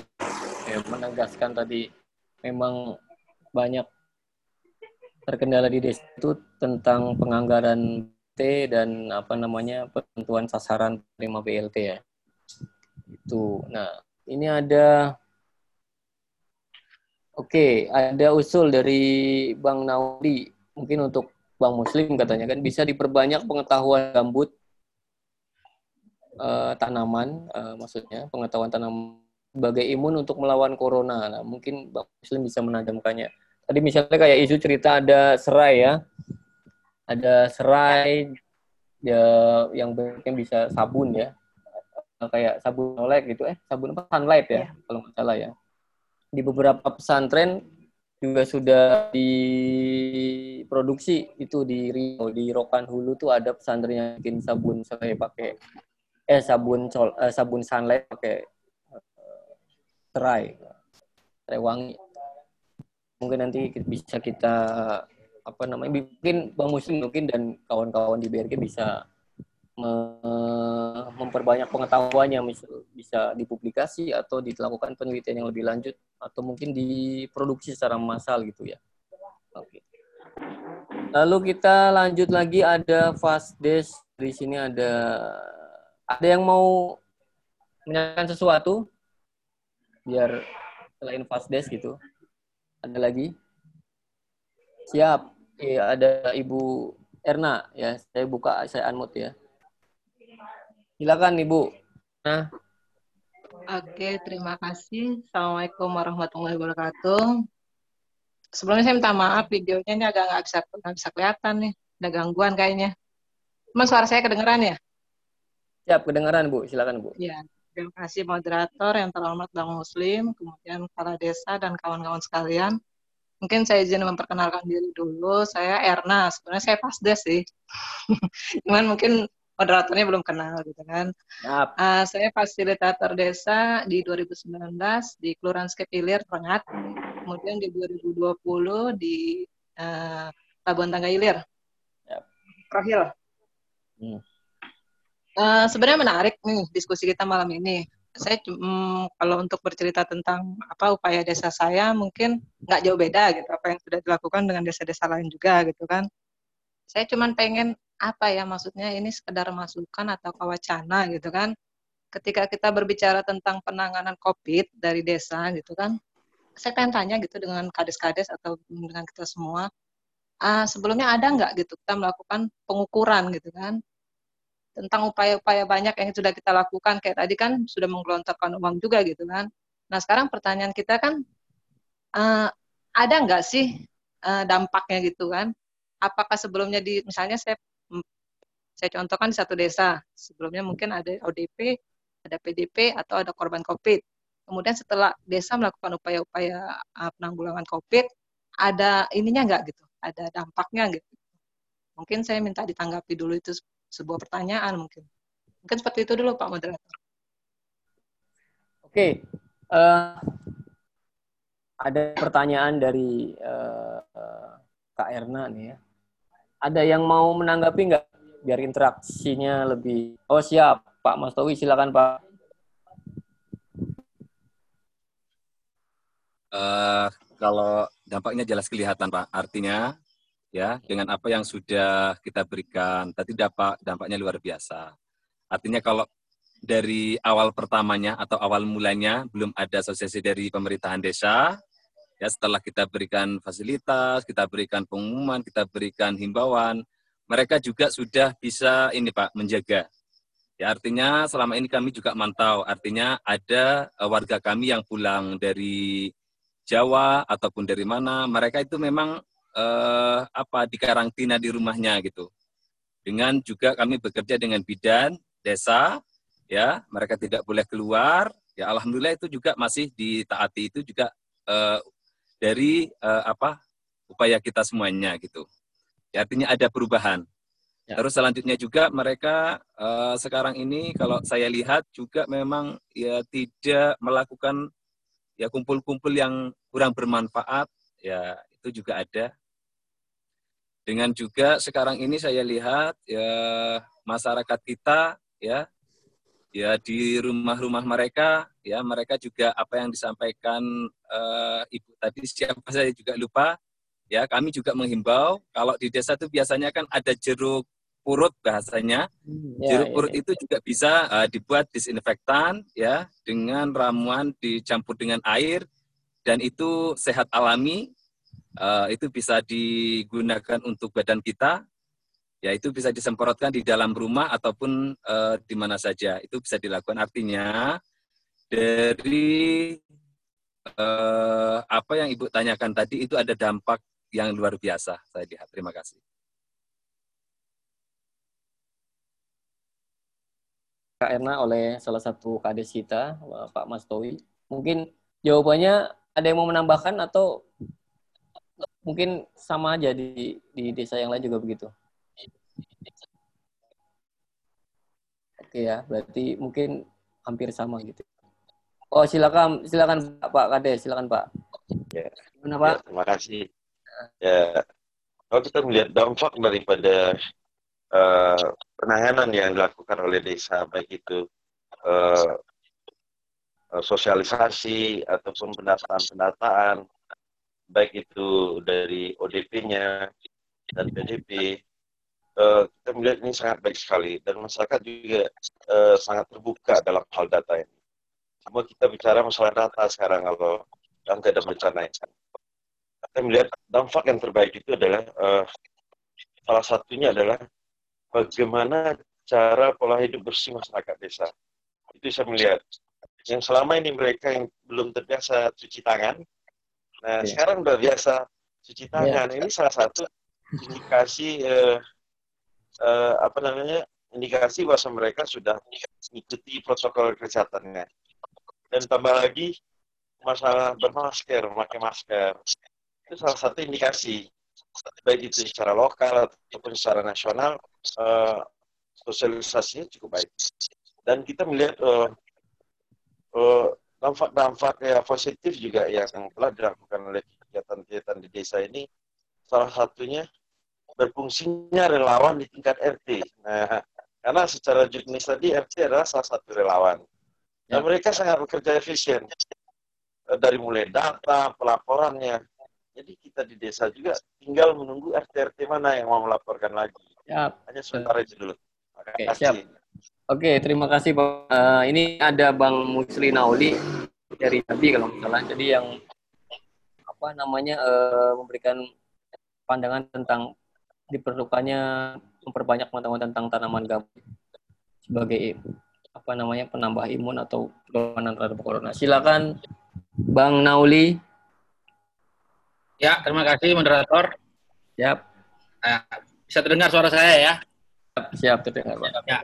Uh, saya mengabarkan kondisi di Kota Jambi. Uh, setiap pintu keluar itu sudah dipasang portal. Setiap penduduk yang datang maupun keluar ditanyain apabila tidak dipenting uh, maka tidak boleh masuk ataupun keluar dari uh, kota Jambi ya. Kemudian mobil-mobil sudah mulai disemprot ya.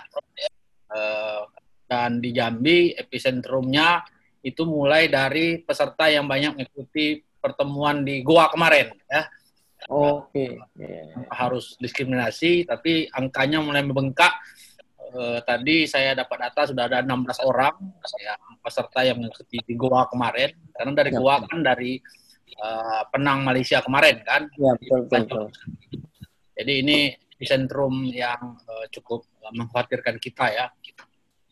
Uh, yang pertama. Kemudian yang kedua, sebenarnya uh, dari angka-angka saya tidak khawatir ya. Karena korban itu ternyata dipastikan adalah mereka yang uh, berasal dari kota yang terpapar, bersentuhan dengan uh, orang yang diduga suspek uh, corona dan sebagainya. Ya. Tapi di masyarakat sendiri saya yakin punya pengetahuan ya uh, tentang uh, bagaimana cara membangun imun ya Nah, tadi ada jeruk nipis. Uh, sebenarnya ada tradisi-tradisi mungkin di Riau bisa kita kasih uh, gambaran lah ya, karena tipikal masyarakat Jambi dengan Riau tidak begitu jauh ya, masyarakat Melayu ya. Nah, ada tradisi misalnya nyirih ya. Nyirih itu uh, salah satu kapur yang menuju membunuh ya. Nah, itu uh, terbukti dari beberapa riset. Mungkin teman-teman gambut bisa mengkolekting data-data apa tradisi yang sebelumnya ada kemudian itu uh, ternyata nggak ada lagi gitu loh di beberapa tempat uh, tradisi nyiri itu masih ada ya. Walaupun uh, itu lebih banyak dilakukan oleh orang tua. Uh, saya ada beberapa desa yang saya temui ngundang tuh masih pakai uh, nyirih ya pakai daun sirih kalau tuan rumah uh, yang didatangi itu ternyata ada waktu untuk menghadiri undangan maka dia harus uh, memakan sirih yang dibawa oleh pengundang. Tetapi kalau misal ternyata dia uh, tidak ada waktu menghadiri undangan tersebut, maka biasanya sirihnya tidak dimakan. Uh, Kemudian juga ada tradisi misalnya kalau misalnya kita keluar dari kota, biasanya muka kita direndam dalam uh, yang berisi uh, daun sirih ya dan itu di apa dibersihkan ke muka ya. Jadi sebenarnya uh, tradisi itu apakah masih apa ada di Riau dan tidak. Tapi di Jambi sebenarnya uh, tradisi itu masih ada ya. Jadi kalau kita pulang dari mana pun uh, sebelum masuk rumah uh, di depan rumah kita ada tempayan, cuci tangan, cuci kaki, kemudian langsung ke kamar mandi, mukanya langsung direndam uh, daun sirih uh, yang sudah ada di dalam baskom dan sekaligus membersihkan debu-debu yang ada uh, di mata ya. Nah, tradisi-tradisi seperti ini mungkin teman-teman Riau bisa mengelaborasi dan bisa menjadi collecting data untuk cara masyarakat gambut uh, menghadapi uh, corona.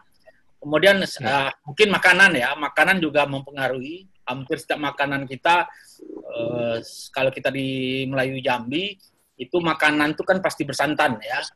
Kalau sayur bening tidak masuk dalam hitungan makanan itu tuh. Bahkan kalau misalnya rumah tangga menyiapkan sayur bening, dianggap dia tidak masak, dan biasanya mohon maaf perempuan kalau misalnya menyiapkan sayur bening, dianggap tidak tahu masak ya. Jadi hampir setiap uh, santan itu pasti mengandung yang membangun imun ya, seperti jahe, kunyit, lengkuas, uh, bawang merah, bawang putih. Nah mungkin itu uh, bisa dikumpulkan maka makanan itu yang berisi ramuan tersebut sehingga itu menjadi kekayaan. Nah kita juga saya harus mengajak ya, jangan jangan ikuti dengan angka-angka yang mengerikan di nasional karena ya, ya. tempat ternyata punya daya tahan tubuh untuk hmm. menghadapi itu.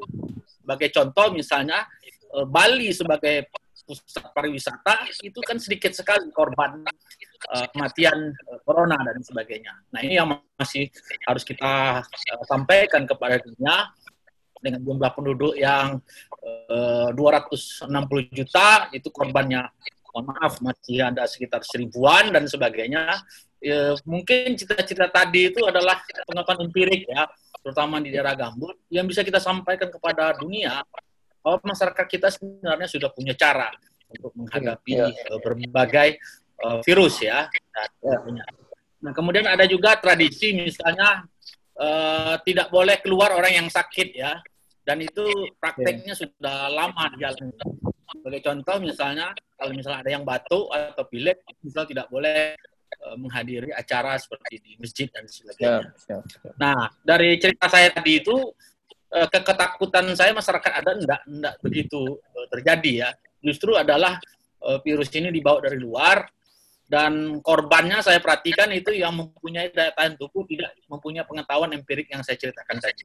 Mungkin teman-teman Riau bisa mengelaborasi cerita tadi itu, uh, mungkin bisa dibuat catatan, orang Muslim bisa menginisiasi sehingga uh, ketika virus apa pun yang terjadi kita sudah punya eh, pengetahuan empirik. Mungkin itu sekadar memacu untuk diskusi selanjutnya. Terima kasih. Yap, terima kasih Bang Nauli. Oke. Uh, Bang Muslim ada mau menanggapi dari beberapa paparan tadi? Silakan Bang. Enggak, uh, mungkin ini uh, uh, satu terkait tadi ada bicara tentang uh, karena di desa kan kalau yang apa khususnya terkait petani lah ya. ya nggak mungkin petani kan nggak mungkin apa lockdown deh. Kamu yeah. dan apa uh, dan aku berharap petani juga nggak nggak harus lumpuh gitu. Karena kalau pertanian tidak produksi lagi yang kerepotan ya kita yang petani juga kan. Sumber bahan makanannya di mana.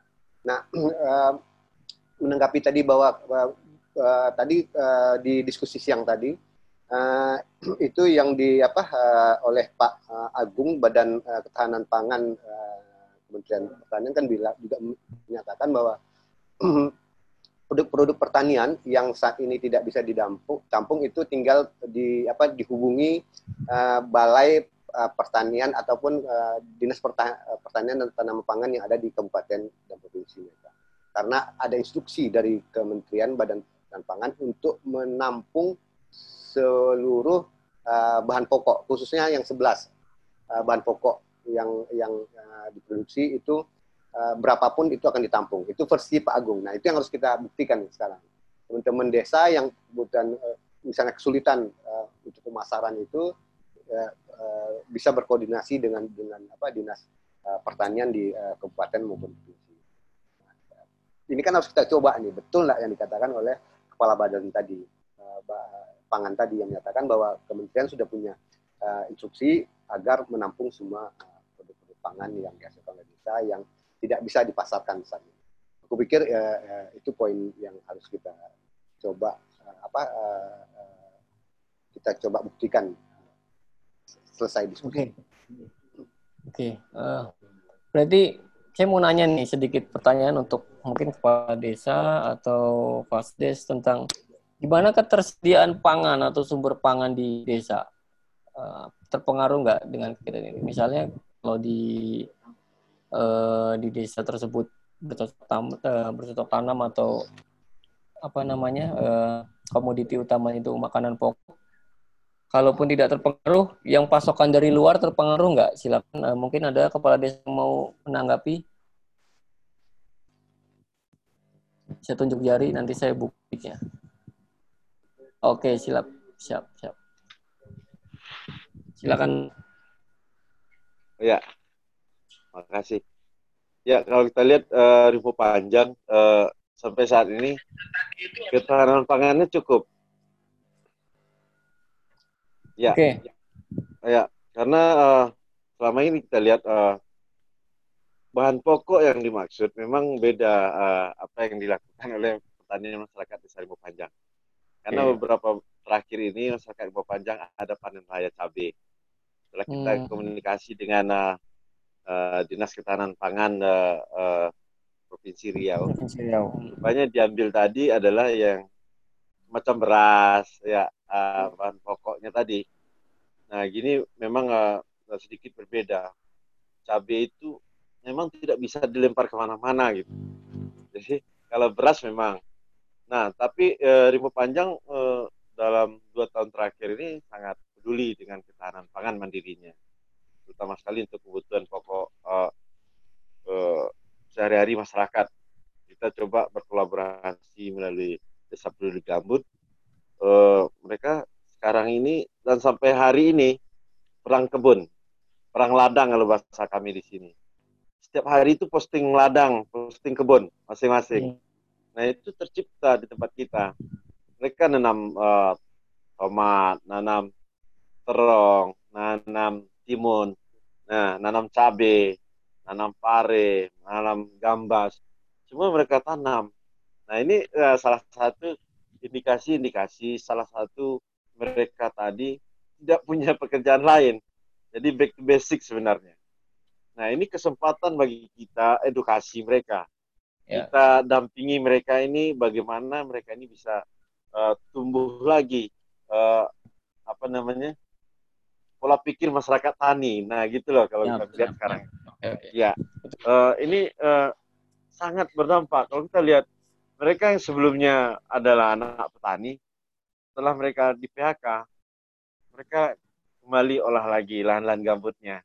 Okay. Nah, memang kita di Rimbo Panjang sedikit uh, ada adopsi secara lokal kearifannya uh, plus uh, tanah mineral yang kuning tadi dengan tanah gambut. Itu salah satu indikasi yang pernah kita coba buat juga. Alhamdulillah ada juga data hasil. Yep. Nah, kalau inilah kalau setiap desa kita bisa uh, menerapkan lagi ayo berkebun lagi, ayo bertani lagi. Ini salah satu oh, loncatan keadaan lockdown ini kembali kita bertani. Itu kalau kita lihat Ya, terima kasih. Ya, terima kasih Pak. Jadi rupanya apa eh, ketahanan pangan itu juga menjadi fokus gerakan di desa ya, bahwa siapa tahu kita sih nggak berharap cuma sebagai antisipasi mungkin wabah ini tidak bisa di dalam waktu dekat jadi secara kebutuhan pokok masyarakat desa lebih punya ketahanan pangan yang cukup untuk melewati masa wabah ini.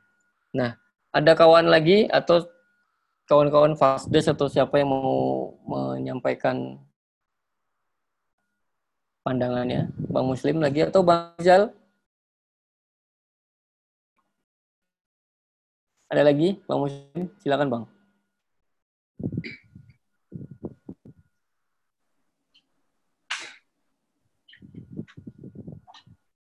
Halo.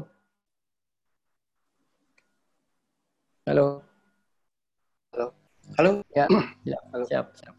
Ya, uh, kekhasan Melayu. Aku melihat yang di apa disampaikan uh, Pak apa Kades kita dari Ibu Panjang kekhasan Melayu. Jadi memang eh, karena kan tidak mungkin ya bencana atau apa apa itu hanya menyisakan apa namanya kesusahan saja. Pasti ada apa ada untungnya misalnya kita jatuh timbat eh, apa jatuh kan ah untung dapat. Tetapi aku melihat yeah. ini memang menarik sebenarnya. Dengan adanya ini seperti aku sampaikan tadi daya ikat dan daya apa ya sosialisasi masyarakatnya tumbuh Kemudian uh, di samping itu aku lihat uh, salah satu yang disampaikan Pak Wali tadi itu benar bahwa apa namanya uh, yang uh, bisa tetap bertahan itu dari kota-kota itu balik semua pasti nggak ada kerjaan di desa kan akhirnya mereka bertani. Karena buktinya yang di, di kita bisa lihat misalnya uh, uh, apa nama uh, tahun uh, apa masalah ekonomi di uh, tahun 98 itu itu kan resesinya itu yang kuat perekonomian kan tetap di desa itu pertanian. Ya. dan dan uh, corona ini mengulang itu semua. Mereka yang di kota-kota itu pada pulang semua. Di desa ya, ya. pulang mana jadi tetap di desa ada nah yang kedua aku lihat bahwa bahwa akhirnya uh, apa ya uh, kegiatan sosial dan kesadaran manusia itu akan tumbuh itu kita banyak baca tulisan-tulisan yang uh, apa ya uh, menggugah dan uh, apa ya menarik perhatian kita ya. bahwa banyak sekali dampak positifnya sebenarnya. Kalau kita lihat ada beberapa rilis menyatakan bahwa kondisi dunia bumi akhirnya agak lebih baik nih, ya kan cuacanya udaranya makin ya. baik, makin baik dan kita bisa lihat salah satunya yang paling berdampak itu kan kalau selama ini kan dianggap Jakarta kan uh, pencemaran sangat tinggi itu. Ya, Dalam beberapa dengan corona ini bentar saja semuanya berhenti. Nah, maksudku ini ada ada ada ada ada peluang uh, kita untuk berbenah diri sebenarnya. Siap. Kan uh, apa namanya uh, bumi ini kan punya cara sendiri dia untuk mengembalikan merestorasi dirinya sendiri. Siap. Nah, aku ini kesempatan kita untuk berbaik-baik berbaik dengan bumi itu. Aku pikir itu sih. Iya. Jadi kayak closing statement, Bang. Tapi sebelum closing itu yang kayaknya statement itu udah mirip closing statementnya. Ada ada yang mau menanggapi nggak? Saya ter saya tertarik ini dengan dengan uh, Jambi. Uh, Bang Nauli di Jambi sudah PSBB belum? Bentar-bentar. Halo? Bukan ya. PSBB, PSBB, PSBB. PSBB tadi itu. Halo? Iya, siap, siap, siap, Bang. Kalau dari penetapan dari Anu Menteri belum. Belum. Oke. Cuman karena angka sudah mulai mengerikan, eh, biasalah sama seperti kebakaran, mungkin Bu Muslim tahu lah ya. Ya. Kalau sebelum kebakaran eh, aparat kan show force kan, Ya. pakai gelar-gelar di lapangan terbuka kan, kesiapan pasukan. Tapi pas kebakaran eh, pada hilang semuanya.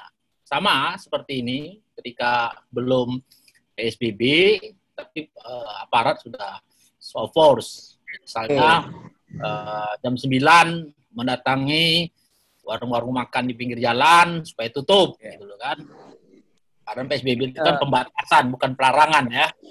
Harusnya eh, rumah makan eh, pinggir-pinggir jalan tuh tidak perlu menyiapkan kursi, bukan dilarang untuk jualan ya. Nah, kemudian biasalah di- kalau misalnya ada tuh kumpul-kumpul dibubari dan sebagainya. Eh, padahal kan itu Tapi- kan ya Pembatasan dari luar kota. Eh, Oh, sudah, sudah, sudah. kota sudah. Setiap pintu masuk eh, ada lima titik eh, ke Riau itu di apa?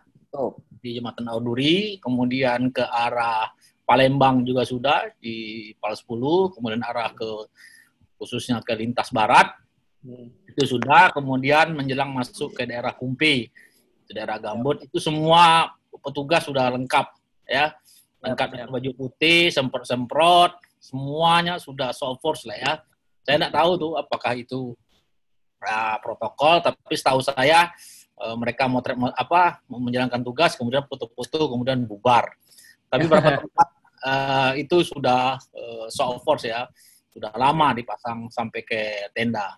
Sama seperti kejadian uh, menjelang kebakaran, ada apel kesiapan dan sebagainya. Kemudian sama seperti kali kita lihat di beberapa video, uh, ada mobil yang nyemprot-nyemprot sepanjang jalan, uh, mobil truk, dua biasa dua mobil truk itu keliling, ya, mendatangi apa, men- mengelilingi, menyemprot sampai seperti mau hujan. Itu keadaan uh, di Jambi ya.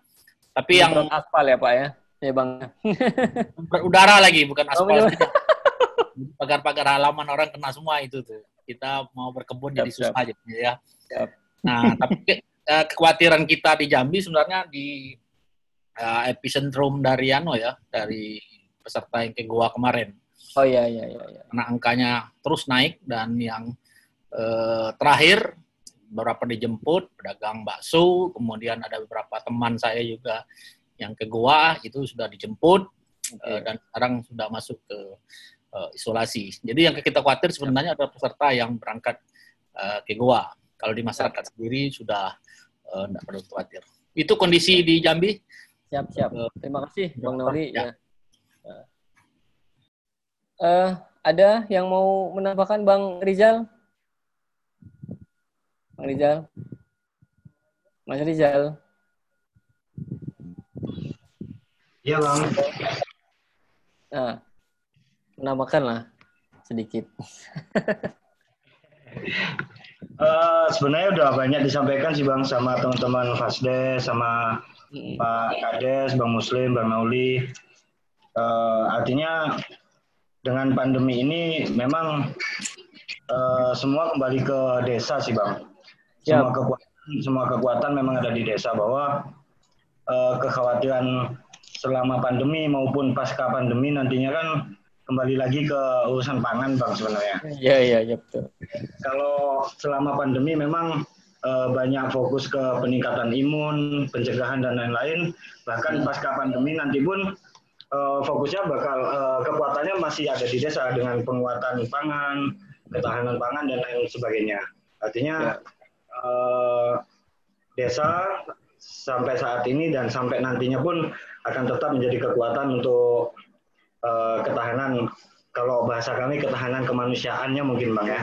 Artinya kota ataupun di global di dunia pun bahkan bakal kembali ke pangan lagi. Artinya memang eh, dari sini eh, mungkin kami yang ada di kota bang ya kita yang ada di kota harus banyak berterima kasih nih dengan bapak dan ibu-ibu yang ada di desa yang selalu yang kami lockdown bapak dan ibu tetap ke sawah untuk penyediaan kami semua yang ada di kota ini gitu Ya betul betul betul betul.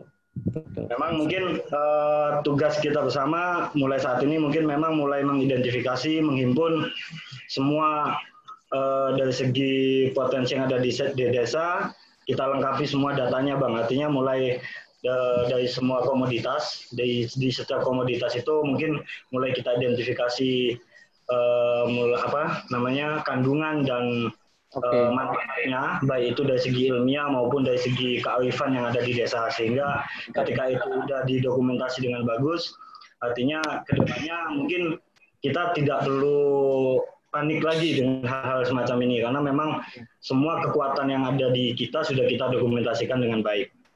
Yep.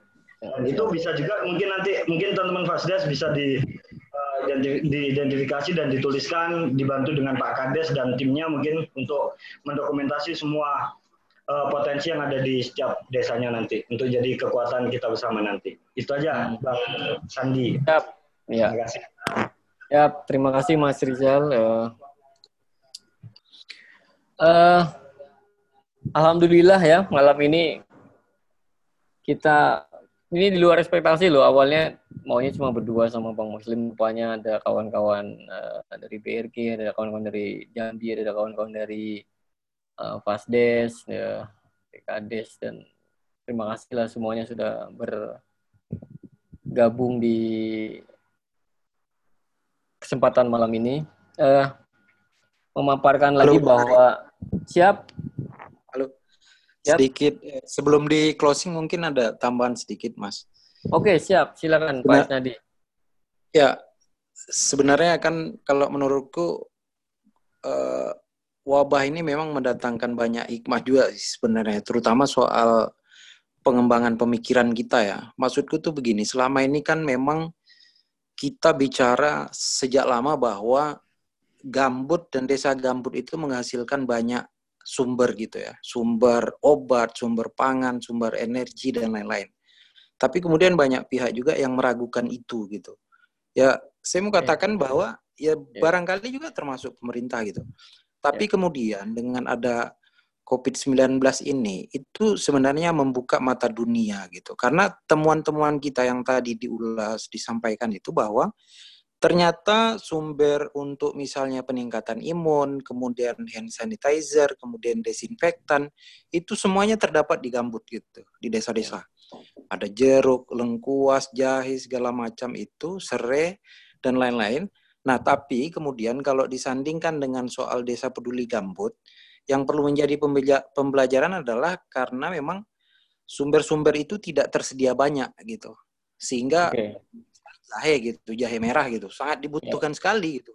Bahkan dengan adanya COVID kemarin, teman-teman kita ada yang sudah mengembangkan untuk minuman jahe dan lain-lain, tapi kendalanya sumbernya tidak banyak gitu. Nah harapanku bahwa ke depan DPG ini dengan pembelajaran ini itu bisa kita bisa lebih bersinergi gitu. Artinya BRG, kemudian okay. pemerintah desa, masyarakat, pasdes itu artinya kita harus lebih giat untuk mengembangkan sumber-sumber yang ada di gambut itu, baik sumber pangan, sumber obat dan lain-lain itu.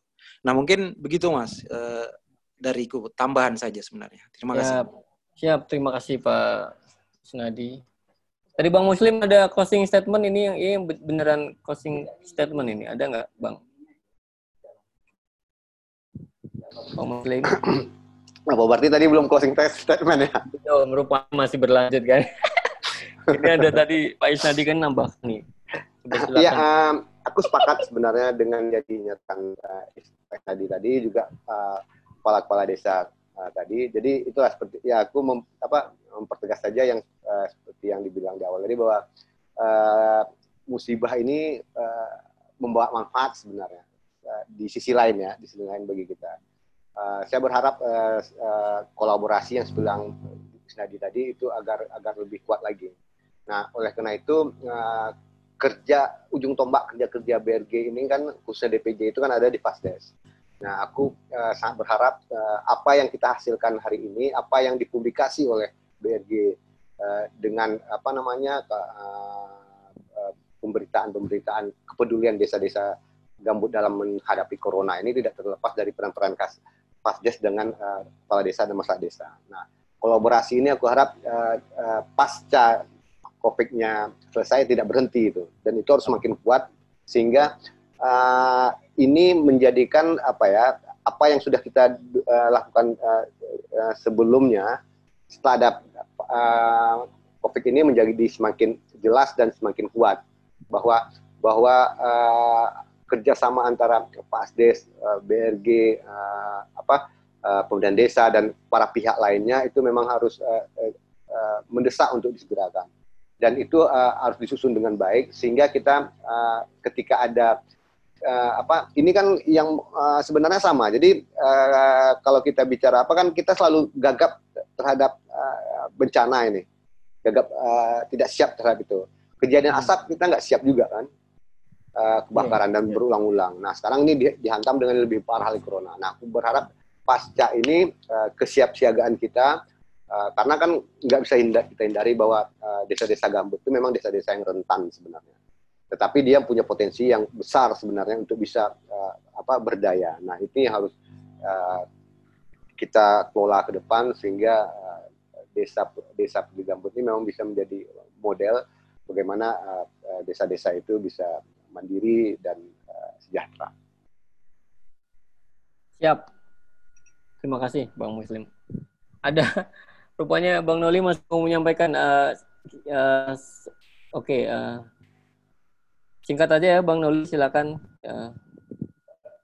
Ya, uh, saya tertarik yang disampaikan oleh Pak Kades ini tadi. Uh, mungkin dari pertemuan ini ya juga harus uh, ada rencana ya bahwa ya. teman-teman Riau uh, mulai mendokumentasikan teman-teman Pasdes mulai mendokumentasikan kekayaan-kekayaan tadi itu sehingga dari situ kita nanti bisa berbagi dan itu akan menjadi role model kita di masyarakat Gambut. Mungkin itu uh, tawaran saya. Terima kasih, moderator. Ya. Ya. Alhamdulillah diskusi kita dengan sangat hikmat dengan informasi-informasi penting yang tadi bisa kita tindak lanjuti eh, maksudnya para pasdes ya para kades dan perangkat desa juga BRG yang mendampingi. Eh, tapi di luar itu saya mau menggarisbawahi bahwa apa yang dilakukan desa khususnya desa-desa yang hadir malam ini pasdesnya atau dengan kepala desanya bahwa upaya yang sudah dilakukan desa tersebut itu sudah jauh dari ekspektasi orang kota kalau saya mau membuka uh, wacana perkotaannya karena perkotaan kita ambil kasus Pekanbaru saja masih banyak uh, timpang tinggi masih banyak kekurangan yang bahkan ketika sudah mendeklarasikan status PSBB. Nah, kenapa saya membuat acara diskusi ini atau ngobrol ini dengan Bang Muslim bahwa kita juga harus belajar dengan saudara-saudara kita di desa bahwa rupanya di desa lebih sistematis, lebih kolaboratif ya. Unsur yang kita terima dalam hal malam ini adalah kolaboratif antara perangkat desa, antara masyarakat, Karang Taruna dan dan yang lain-lain. Itu menjadi kunci utama bahwa uh, walaupun dengan ada masalah kayak BLT, sistem penganggaran dan siapa pun yang BLT itu masih masih menjadi permasalahan yang dihadapi. Tapi secara garis besar sistem yang dibuat di desa itu khususnya wabil khusus desa yang hadir di malam hari ini itu sudah sangat uh, baik dan sistematis. Uh, saya mendoakan ini bisa berlanjut bisa apa namanya menjadi percontohan tadi yang disampaikan oleh Bang Muslim diduplikasi di desa-desa yang gitu. Tanpa saudara-saudara kita di desa orang kota nggak ada apa-apanya. Intinya saya sih gitu. Karena kita misal bisa keluar rumah, kalau di desa harus keluar rumah untuk menyediakan pangan pangan di orang-orang di kota gitu ya. Sekian, terima kasih. Tetap semangat, tetap sehat. Eh, terkait dengan tindak lanjut, silakan nanti dinamisator untuk mengelola para fasdes dan kepala desanya secara apa namanya tindak lanjut malam hari ini. Oke, uh, saya menutup diskusi kita malam ini. Menarik, semoga nanti akan ada obrolan berikutnya. Terima kasih kepada BRG dan Restorasi Gambut. Dalam hal ini ada Bang Muslim sebagai dinamisator, ada Bang Rizal, ah, ya. kepala desa, seluruh desa yang hadir, lalu ada Fasdes yang hadir, ada kawan-kawan dari Walhi dan seluruh yang uh, menyimak via online di Facebook. Terima kasih. Assalamualaikum warahmatullahi wabarakatuh. Waalaikumsalam Waalaikumsalam warahmatullahi wabarakatuh. Assalamualaikum warahmatullahi wabarakatuh.